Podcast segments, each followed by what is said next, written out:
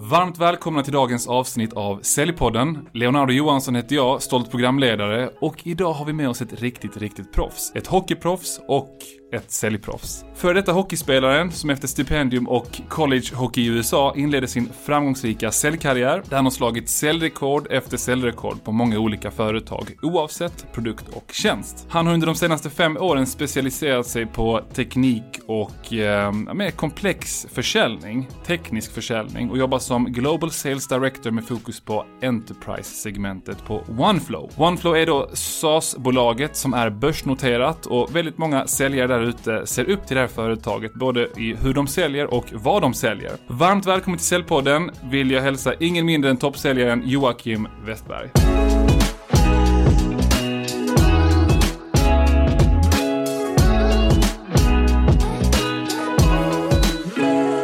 Tusen tack Leo. Hur känns det att vara här? Känns jättekul och Mm. samtidigt ärofyllt. Eh, Jag är en frekvent lyssnare av podcast varav Säljpodden är en av dem jag lyssnar på.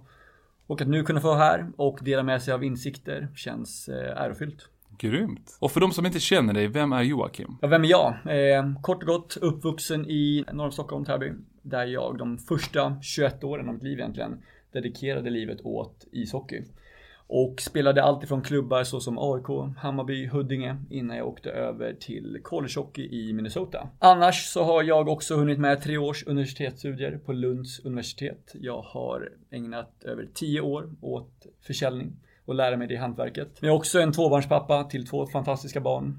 Gift med mitt livs kärlek och eh, nog lite om mig, jag är en extrem tävlingsmänniska. Mm. Det handlar ingen roll, spelar ingen roll ifall det är att vinna en säljtävling, springa ett 5 km lopp eller någonting annat så måste jag bara vinna. Och jag skulle säga, det är inte alltid en bra egenskap när ibland man förlorar ett monopolparti mot svärfar och hela helgen i fjällen kan vara förstörd. Du, jag förstår det. Det finns till och med rekryteringsföretag som är specialiserade på att enbart rekrytera folk som har en idrottsbakgrund och gjort någorlunda bra ifrån sig.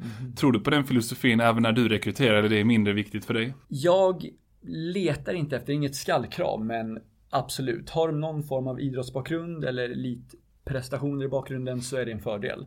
Primärt för att då har de lärt sig sättet att ja, men, ju mer du jobbar, ju mer du tränar och ju hårdare du jobbar, desto bättre blir du och du får någonting ut av det. Mm. Och det applicerar sig lite på försäljning också känner jag. Så att det är en klar fördel i rekrytering. Mm. Och du är en av Sveriges mest välkända tränare inom hockey när det kommer till teknikträning och tränar idag ungdomar. Ja, det kan man säga. Så Ja. ungdomar någonstans mellan eh, 12 upp till 18 år Just det. tränar jag frekvent med fokus på just eh, klubbteknik och eh, skridskoteknik. Och kan du säga att det finns några likheter mellan att träna säljare i försäljning, som du gör till vardags, och att träna ungdomar i att bli duktigare rent tekniskt inom hockeyn? Det skulle jag absolut säga. Eh, nu är det kanske lite skillnad att ha 30 ungdomar på isen och hålla stenkoll på dem. För det gör det har jag en jäkla disciplin på dem. Det har egentligen lärt mig och format mig nästan. Eh, och lite ledarskapet i försäljning. Eh, det är ju såklart stora skillnader men eh, en del just av metodiken, disciplinen kan appliceras på båda parter. Just det, ja. Precis. Ja, på tal om det här med disciplinen. Vad, hoppar jag rakt in i hetluften kring frågor vi inte ens har förberett här. Men när det kommer till disciplin, hur, hur tycker du att man ska tackla en säljare som du säger, ja, men här finns det en fin potential, men du säger inte riktigt att disciplinen finns där till att göra grovjobbet. Måste motivationen komma inifrån eller kan man hjälpa dem på traven på något sätt? Man kan absolut hjälpa dem på traven på några sätt, men för att bli en riktig toppsäljare och egentligen en av de bästa på det du gör, oavsett ifall det är försäljning, du ska bli advokat, läkare, så måste du någonstans ha ett inre driv.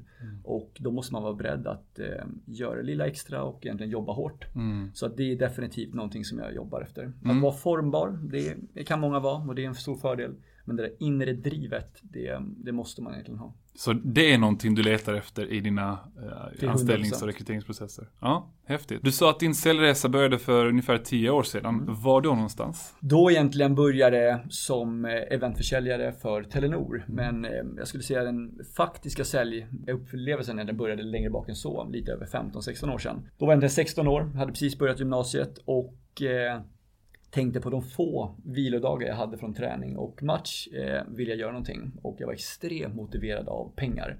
Jag är själv döpt av Joakim von Anka, och min stora syster som sa han ska heta Joakim efter den karaktären. Så att jag tänkte, vad ska jag göra?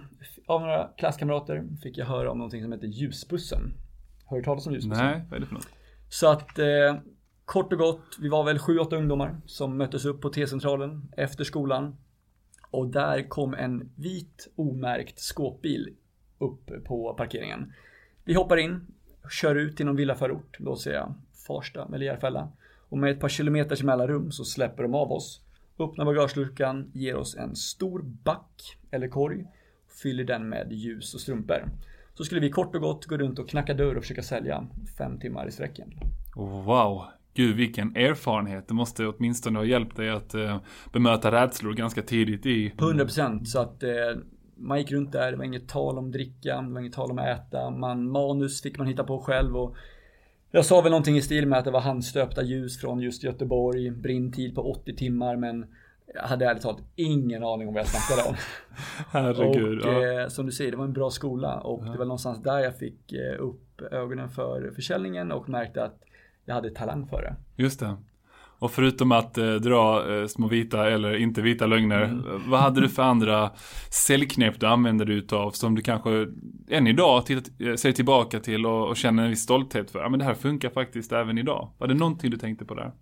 Jo men det var inte så just med säljtekniskt, men det var mer just det här drivet. Att Ja. ju fler dörrar jag knackade på, ju mer distans jag gick, jag gjorde det lilla extra och det gjorde stor skillnad. Så medan de andra kunde tjäna 500-600 kronor på en kväll kunde jag tjäna upp mot 4-5 tusen kanske.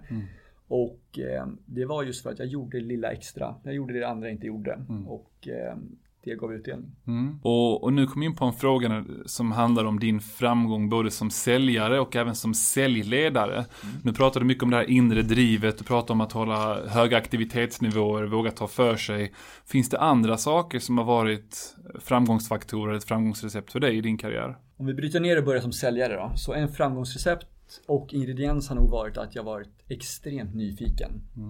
Oavsett vem jag träffar, oavsett vad jag gör så försöker jag lära mig någonting av alla människor egentligen. Och det är inte bara människor jag träffar utan det kan vara läromedel. Det kan vara allt från podcast, böcker, YouTube-klipp, bloggar, nyhetsbrev. Jag bara älskar att konsumera det. Och så att egentligen all egen tid man får, framförallt nu med två småbarn så försöker jag konsumera material. Och det kan vara allt ifrån på tåget, på gymmet, eh, på med sovande barn i barnvagnen på helgen. Och det är inte heller alltid populärt hemma. Låt säga nu corona senaste två åren. Jag och fästmän där hemma så har 30 minuter på oss att träna. Barnen sover. Tar fram kettlebellsen och hon vill sätta på någon Beyoncé eller någon taggad låt. Medan jag vill kolla på en business-dokumentär eller lyssna om HubSpots tillväxtresa. Så att hon tycker inte jag är lika, lika inspirerande och taggande där. Nej, jag, och jag kan verkligen hålla med dig om det. Jag fick en fråga om en, eh, eller av en student på IHM Business School här för ett par veckor sedan på LinkedIn som frågade mig, men vad är den viktigaste, alltså om man ska ha en framgångsrik, en lång framgångsrik säljkarriär, vad är den viktigaste ingrediensen i det? Och det är klart att både du och jag hade kunnat ge hundratals eh, svar på den frågan. Men det jag nämnde specifikt för den här personen, det var det här med att ha, alltså att, en ständig hunger, att kontinuerligt vilja och våga tar nya initiativ för att utveckla sig. För att det är någonting som många gör i början av sin karriär och sen blir man lite fat and happy. Så att jag kan verkligen, verkligen hålla med dig. Och som du säger just att, att bli fat and happy, det är ju lätt hänt för många säljare där ute. Och det finns säkert någon eller några säljare på alla bolag. Och är man fat and happy och inte konstant utvecklas och lär sig nya saker, då kan jag garantera att din försäljning inte kommer öka. Den kommer däremot kanske till och med stagnera eller gå ner. Eh, För att omvärlden, säljmetodiker och liknande, det ändras konstant. Så att eh, fat and happy är ett uttryck som vi också frekvent eh, undviker eh, på säljorganisationer. Och du har gjort kometkarriär vill jag ändå påstå när man kikar in på din LinkedIn-profil och även hör dig prata idag som Global Sales Director på ett börsnoterat SaaS-företag. Det, det är verkligen Verkligen imponerande.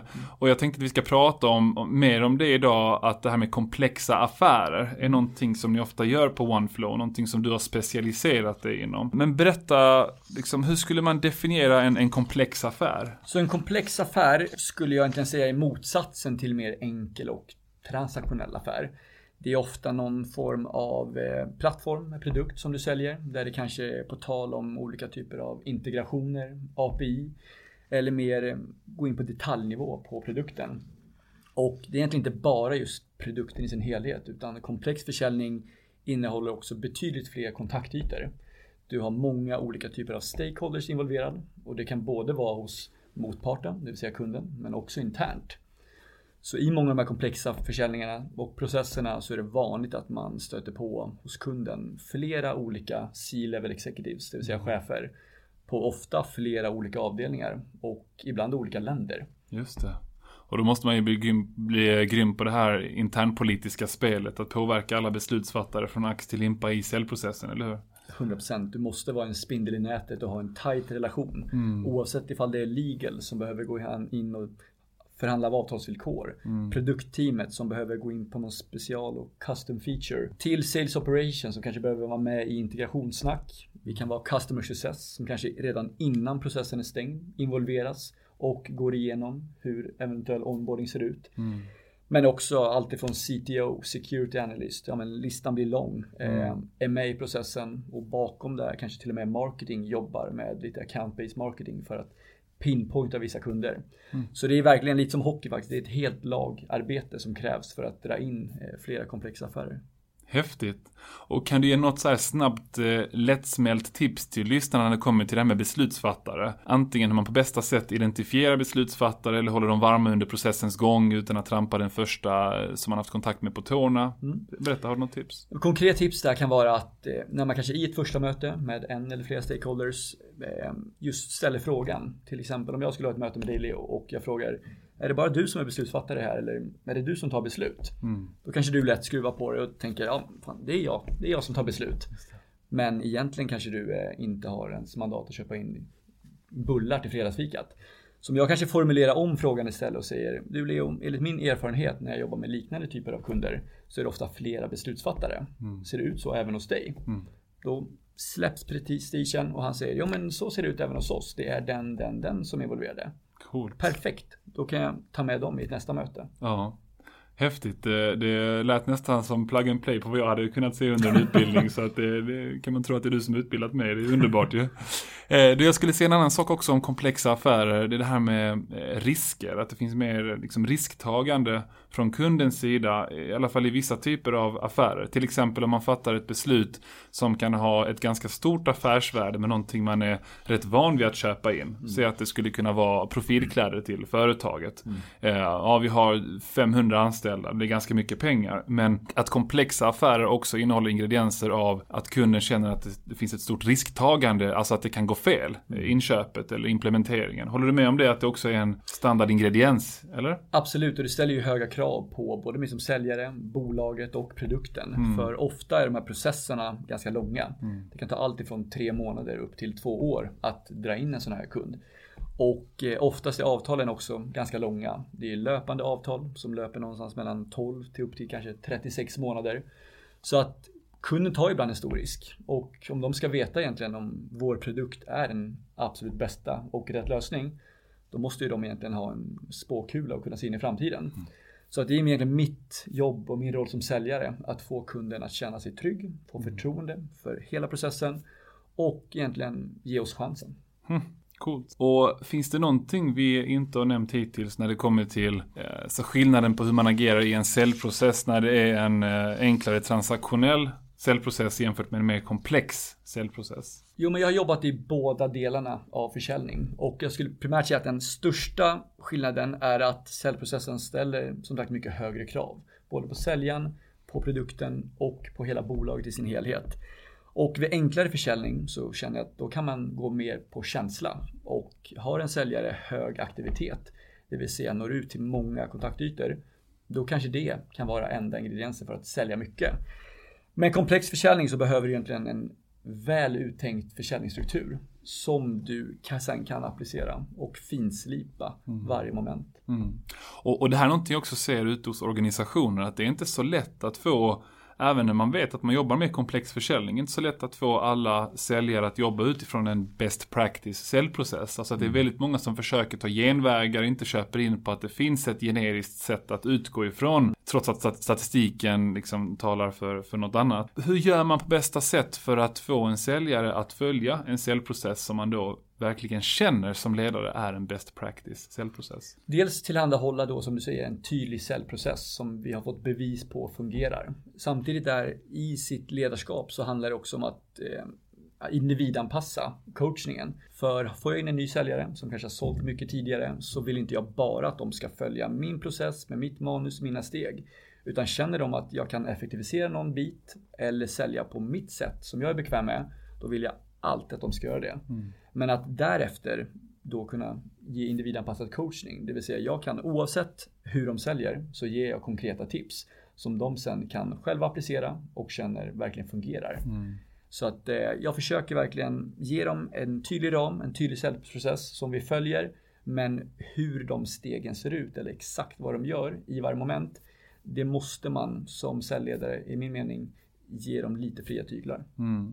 Och jag kommer att tänka på en sak nu att det finns ju olika eh, definitioner av vad en säljprocess faktiskt är. Mm. Alltså en säljprocess för vissa det är om jag har ett möte, är det en säljprocess. Mm. Så att bara för att ge en, en, kort definition så är det alltså från ax till limpa vad du gör inför, under och efter dina kunddialoger för att försöka stänga affären. Så exempelvis om du inför att du ringer samtal när du nykundsbearbetar gör fem saker och gör dem vid varje tillfälle när du prospekterar. Då är det en del av din din säljprocess. Om du i ett första möte med en ny potentiell kund behöver bocka av de här tre sakerna för att det ska vara ett kvalitativt möte. Behov, budget, beslutsfattare eller vad det än kan vara i din värld. Då är det en del av din säljprocess. Så olika liksom, man kan nästan säga det som checklistor kopplade till varje steg av en typisk eh, ja, process som du har med kunden. Dagens huvudsponsor är ingen mindre än Mindit, the House of Sales. Mindit är specialister på säljutveckling och säljutbildning inom business to business försäljning. Och de erbjuder anpassade upplägg och öppna kurser för både säljare och säljchefer. Så blir du nyfiken på Mindit, spana in deras hemsida för mer information, mindit.se. Exakt. Och ja. just på mitt nuvarande bolag så har vi egentligen trestegsprocess mm. i de här mer komplexa. Och det kan vara allt ifrån, som du säger, ett första steg där man ska prospektera kunden, boka mötet och kanske ha vissa kvalificeringsfrågor innan det första mötet. Och just när man kommer då till första mötet så är man extremt förberedd. Du har checkat av vissa saker innan mötet. Det kan vara allt ifrån att du ska ha en accepterad kalenderbjudan, du ska ha brandat om en skräddarsydd presentation, du har förberett en demo, du har gjort det ena och det andra. Och sen också när du väl dyker upp i mötet så har du också en tydlig struktur i mötet. Allt ifrån att du i början har en warm-up som vi kallar det, det vill säga skapar en liten connection, relation till kunden. För att sen ta kontroll över mötet, dra en agenda.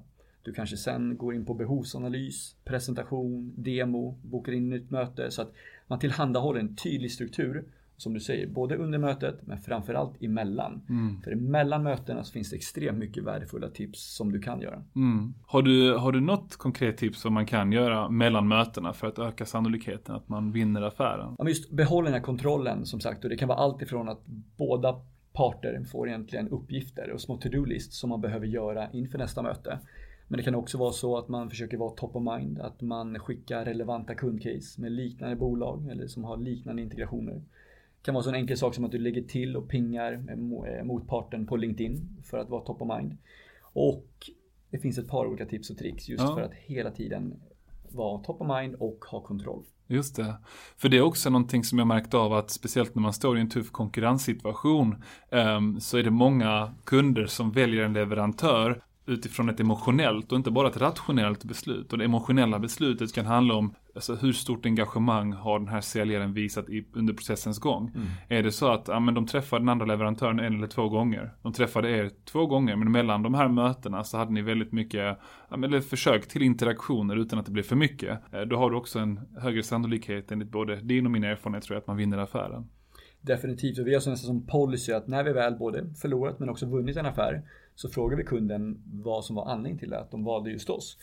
Och då är det frekvent att de säger just att vi hade en stor vilja att vinna affären. Vi var extremt professionella men också drev på och hjälpte dem fram till avslut. Mm. Och som du säger, det gör stor skillnad om man känner att den här säljaren och hela det här företaget vill jobba med oss. Mm. De vill hjälpa oss. Och de har ett värde att ge oss det gör säljaren, eller köparen mycket tryggare egentligen. Och det är så spännande att du säger det, för det kan man se som en självklarhet. Att men det är klart att man ska visa ett stort engagemang som säljare i processen och så här. Men det vet ju både du och jag som har köpt in saker, att det är långt ifrån alla som visar ett stort engagemang.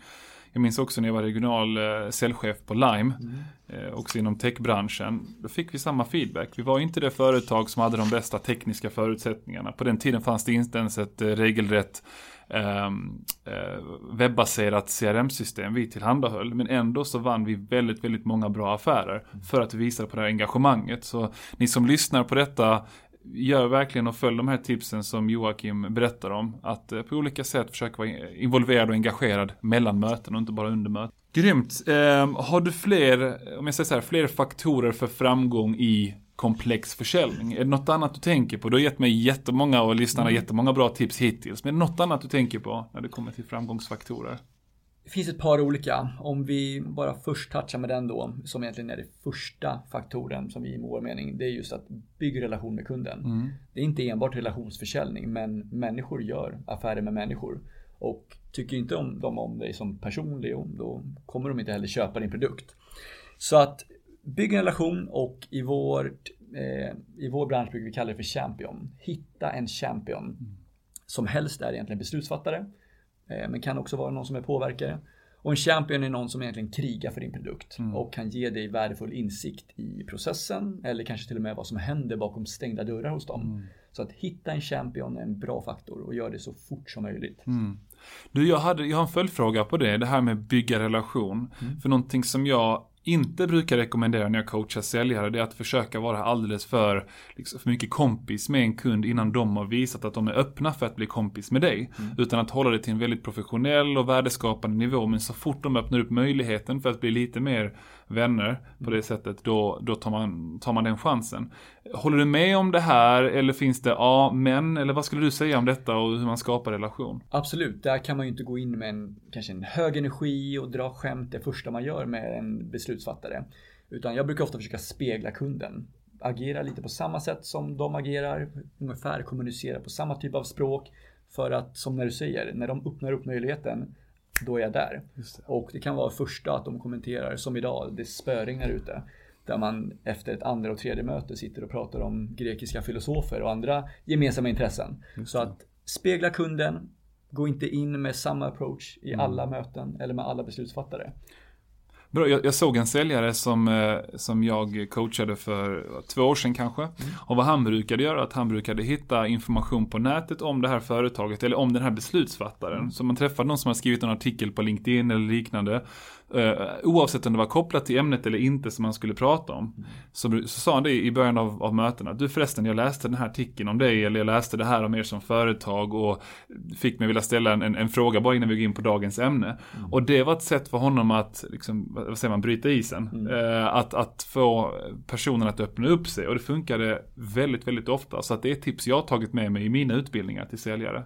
Smart, det visar ju att du är påläst, du gör det där lilla extra och det ger en bra första intryck mot, mot dig som säljare. Ja. Och det man också kan göra ibland som jag själv gör det är att jag kanske då gör research om företaget men också de som personer utan att kanske göra det för tydligt. För se att den här beslutsfattaren på ett stort bolag även är lagledare till sonens fotbollslag eller gillar att segla via bakgrunden på Facebook-profilen då kanske man flikar in det lite snyggt. Att men i sommar så var det mycket segling eller det är jättekul, jag ska kolla fotbollsmatchen i helgen. Gillar du fotboll? Så att man inte gör det allt för tydligt heller. Som sagt, hitta gemensamma nämnare ja. som till slut gör att man, man skapar en relation. Coolt. Det kändes som att, eh, inte att jag avbröt det, men som att du var på väg att, att gå in på ditt nästa tips tidigare om just komplex försäljning. Nej, men jag skulle nog säga, ja. nästa är behovsanalysen. Ja. När du jobbar med komplex försäljning så är den extremt viktig. Mm. Och när man gör komplex försäljning, mer tekniskt, så berör det ganska många punkter.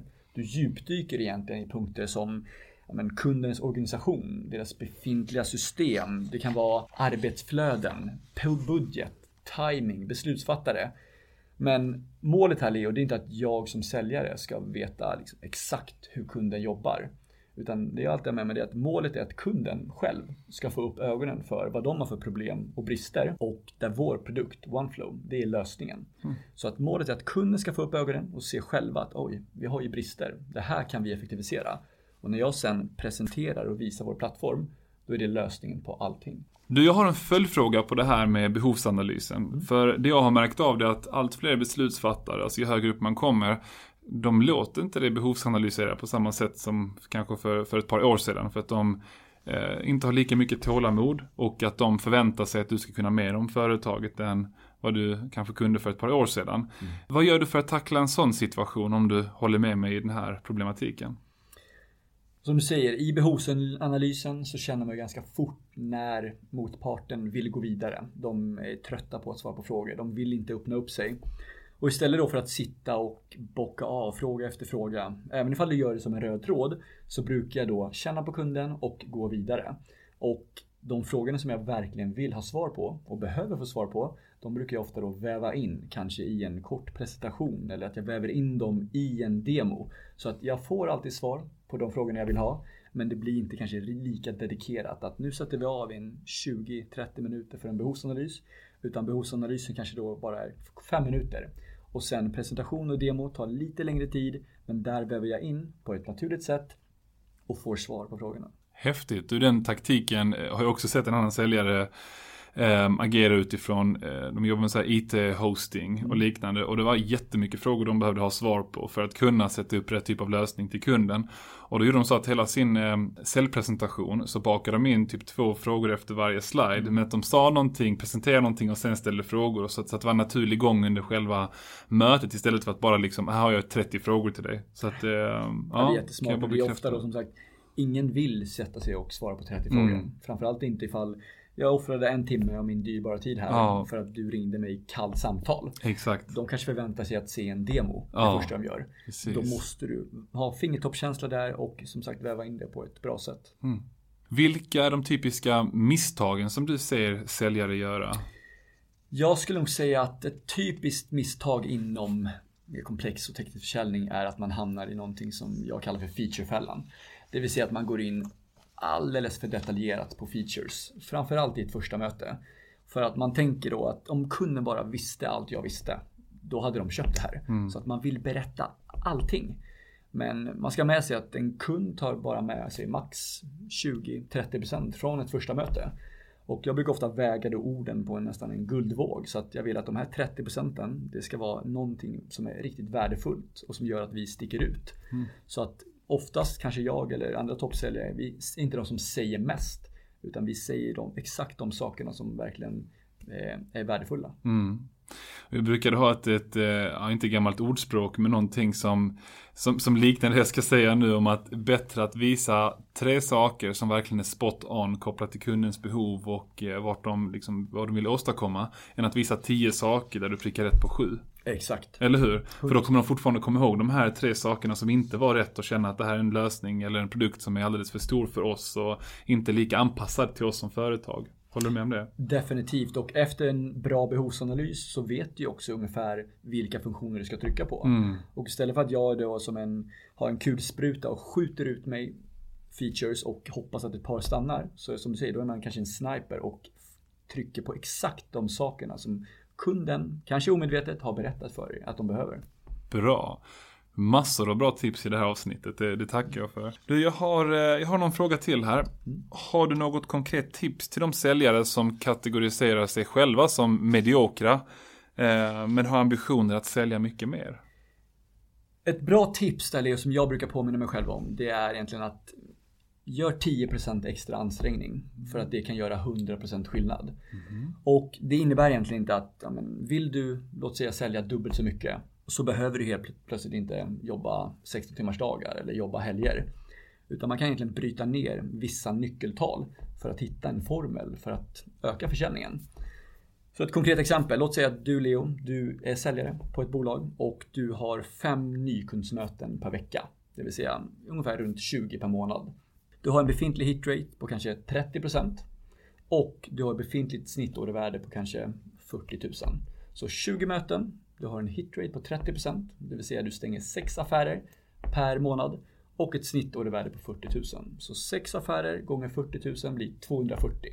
Just det. 240 000 försäljning, det är ganska normalt på ett SaaS-bolag där ute i Norden. Och låt säga nu att du vill gå från medioker till att bli en toppsäljare. Du kanske vill dubbla din budget och du tänker, hur ska jag göra? Om vi börjar på den första parametern, boka möten. Någonting som alla säljare egentligen hatar. Men låt säga att du lägger ner lite extra ansträngning. Du finslipar ditt manus, du ökar aktiviteten Och från och med nu får du in sex första möten per vecka. Och jag tror inte att du behöver slå knut på dig själv för att gå från 5 till 6. Men det innebär alltså 24 möten per månad. Och om vi sen går vidare på nästa parameter, hitrate. Du vill öka din hitrate och ta den från låt säga 30% till 40%. Och det kan du göra genom att förbättra din behovsanalys. Du förbättrar din presentationsteknik eller du gör det där lilla extra. Du brandar demon. Du svarar snabbt och professionellt mot kunden.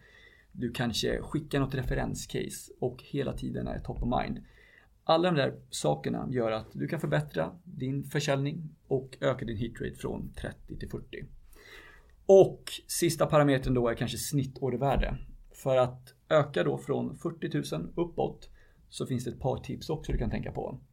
Det första kan vara att du kanske säljer i mer bulk. Om du säljer användare så sälj användarna i pack om bulk. Du kanske också ger mindre rabatter. Så istället för att ge 15 eller 20% så kanske du ger 7,32 eller 15,25. Så att det känns mer uttänkt och procentsatsen blir lägre egentligen. Och dessutom att du kanske också väljer rätt målgrupp till exempel att bearbeta. För mot, Exakt. mot alltså de extra 10 procenten om du bokar möte med en målgrupp där det finns mer pengar att hämta, då kommer också snittordervärdet att öka. 100% ja. så större bolag egentligen. Så att alla de här gemensamma faktorerna, låt säga då att du går från 20 till 24 möten mm. per månad. Du stänger från 30 till 40% hitrate. Och helt plötsligt så stänger du ett snittordervärde från 40 till 50 000 kanske. Mm. Och om vi enkelt räknar huvudräkning då, 24 möten, du stänger 40%. Du är nästan 10 affärer. 9,6 egentligen. Och om du tar 9,6 affärer i snitt per månad gånger 50 000. Då är det 480 000. Just det. Så vill du dubbla din försäljning mot 240. Då behöver du boka ett möte. Du behöver bli lite vassare på att stänga fler kunder. Och egentligen sälja lite fler tjänster. Tilläggstjänster, paketera och inte ge lika mycket rabatter. Och då blir man en toppsäljare bara mm. av att ändra om vissa nyckeltal. Så för er som inte hängde med här på mat matematiken, nu stoltserar jag med att jag läst matte E på, på universitet, så att jag, jag, tror att jag hängde med helt okej.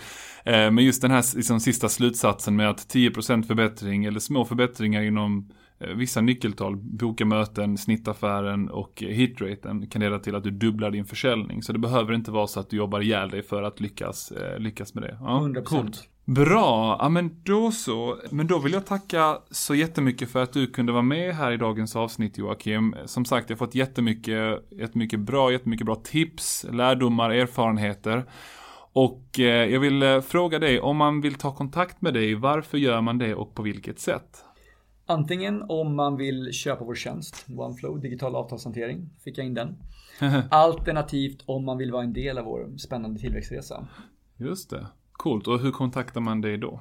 Kontaktar man mig på joakim.westberg oneflow.com Just det, Joakim med K, Westberg med W. Jajamän. Eller letar upp det på LinkedIn kanske? Absolut, bara lägg till på LinkedIn, skicka ett meddelande. Så Joakim Westberg. Yes. Så sa de kanske i USA när du spelade hockey där. Det gjorde ja. de. ja, men stort tack för att ni lyssnade. Jag vill slå ett slag för vår huvudsponsor, Säljarnas Riksförbund, som erbjuder allt ifrån inkomstförsäkring till juridisk rådgivning och säljutbildningar till att värda över 40 000 kronor för nya medlemmar. Ja, tack så mycket för att ni lyssnar. Tack så mycket Leo.